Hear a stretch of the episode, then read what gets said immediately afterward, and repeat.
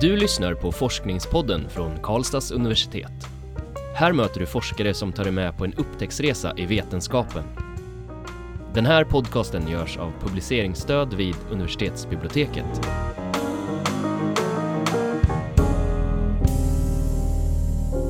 Hej och välkomna, mitt namn är Nadja.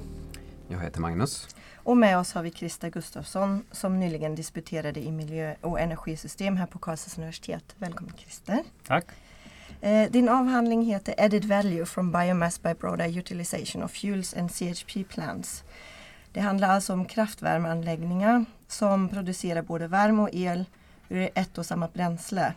Och i din avhandling har du studerat hur man kan använda dessa anläggningar på ett ännu utökat sätt. Eh, kan du berätta varför eh, det är viktigt? Ja, idag är vår, hela, hela vår råvarubas egentligen till stora delar fossil. Många av våra drivmedel, kemikalier och material är, är oljebaserade och eh, de skulle egentligen kunna vara eh, till stor del biobaserade men problemet är att eh, sådana anläggningar inte riktigt får ekonomi många gånger och det här är ett sätt att, att pröva om man kan göra de här, de här oljeersättande processerna i en kraftvärmekontext. Så det har så att säga, varit min, grund, min, min grundhypotes. Jag vill prova det. Om, om, eh, om man då kan få en, en, en, en bättre kostnadseffektivitet. Mm. Hur har du gått tillväga för att undersöka dina frågor i avhandlingen?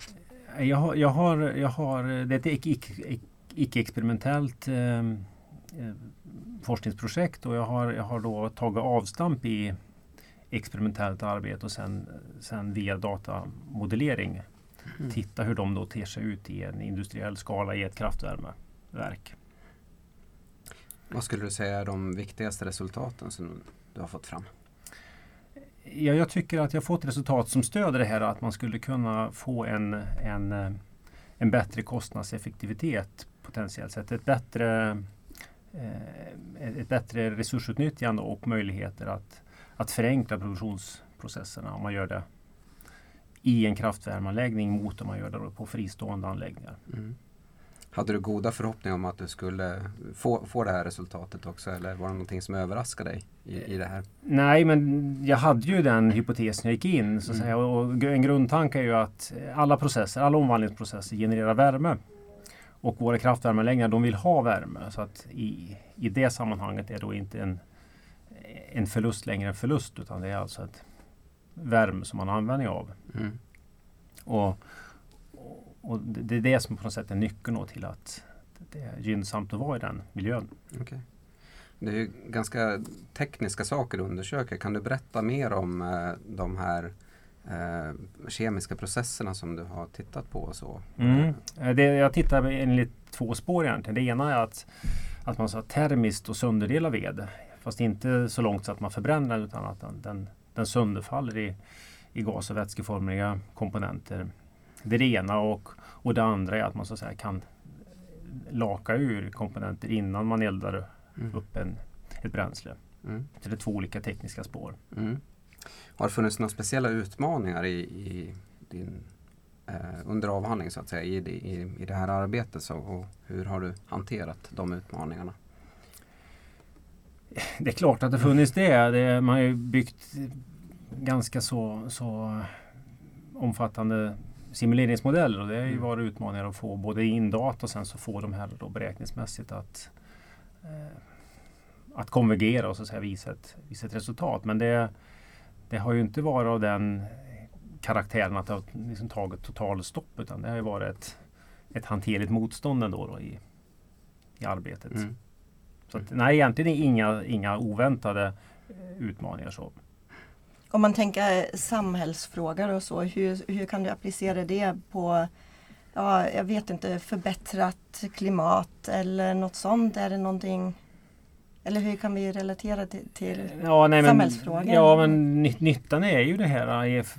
Ta, ta klimatfrågan till exempel, mm. där man vill bort från en fossil eh, råvarubas. Eh, då har jag ju titta eller, eh, på det och kom fram till, till att man skulle kunna ersätta ganska stora delar av vårt drivmedelsbehov till exempel via eh, biobaserade processer i den här typen av anläggningar. Och det skulle det har ju påverkan på samhället på massa olika plan. Dels som, som eh, minskning av koldioxidutsläpp men också eh, industriell verksamhet som, som då byggs ut i de här kraftvärmeanläggningarna som är ett hundratal i, i Sverige. Mm.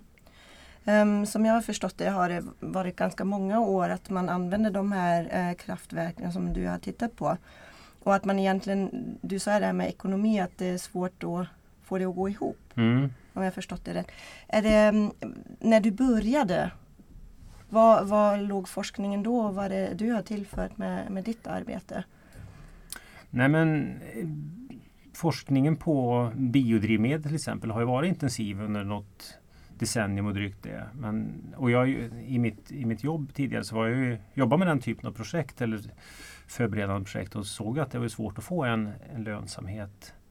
Eh, dels, till del eh, naturligtvis på, på bristen på styrmedel och statlig beskattning och sånt där. Det är kanske den viktigaste men också att, att det finns eh, eller det är höga investeringskostnader för den här typen av anläggningar. Och jag, jag, jag blev då intresserad av, skulle det här kunna vara ett sätt att lösa upp lite grann av, av den knuten då. Mm.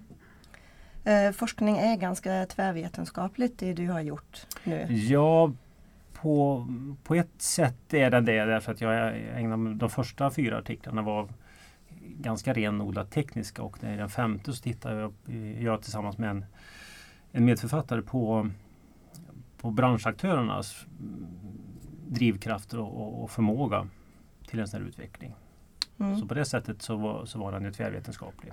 Kan du berätta lite mer om det? Eh, ja, det var en enkätbaserad. Vi gick ut till alla eh, till, till företrädare som, eller till personer som jobbar med utvecklingsfrågor på, på alla kraftvärmeanläggningar i Sverige som har den här typen av pannor då, som jag tittar på. Mm.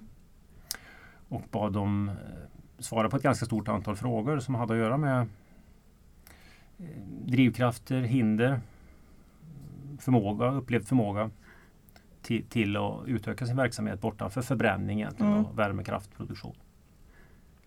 Och är det redan nu några som har tagit till sig de här enkätresultaten eller är det någonting som du kommit med? Ja, det, det, det har ju varit, det var ju ett, eh, det var ganska spretigt. Några var ju väldigt intresserade. Mm. Eh, några var lite mindre intresserade.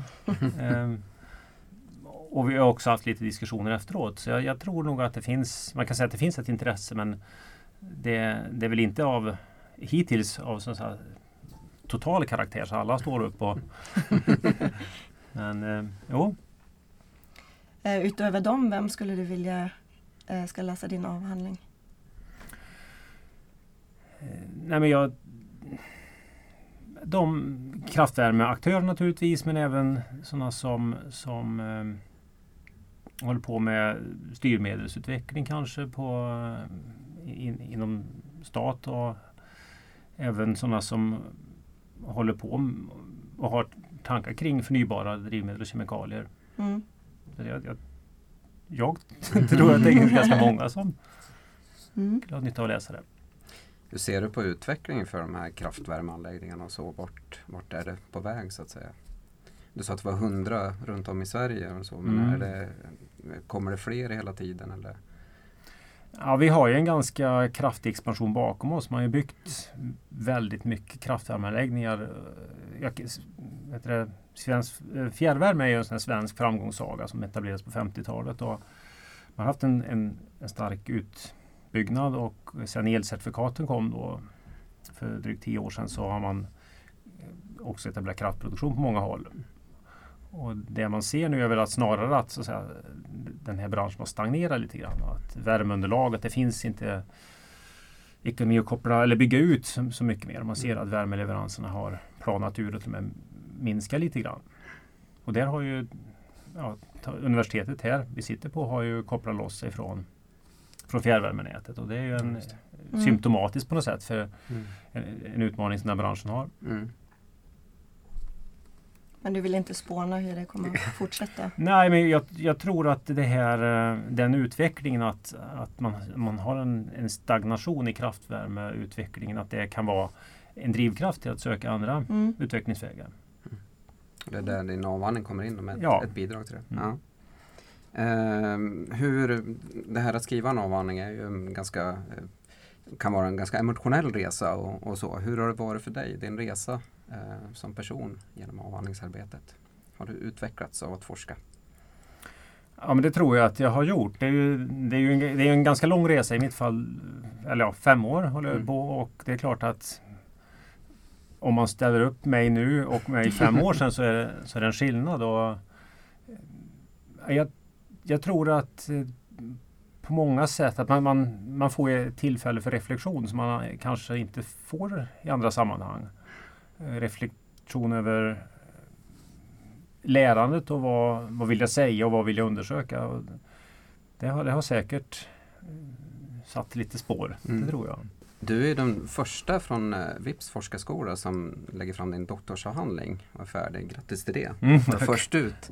Eh, kan du berätta lite om hur det har varit att vara industridoktorand? Och kanske ha några tips också till dina medkollegor där som kommer efter dig.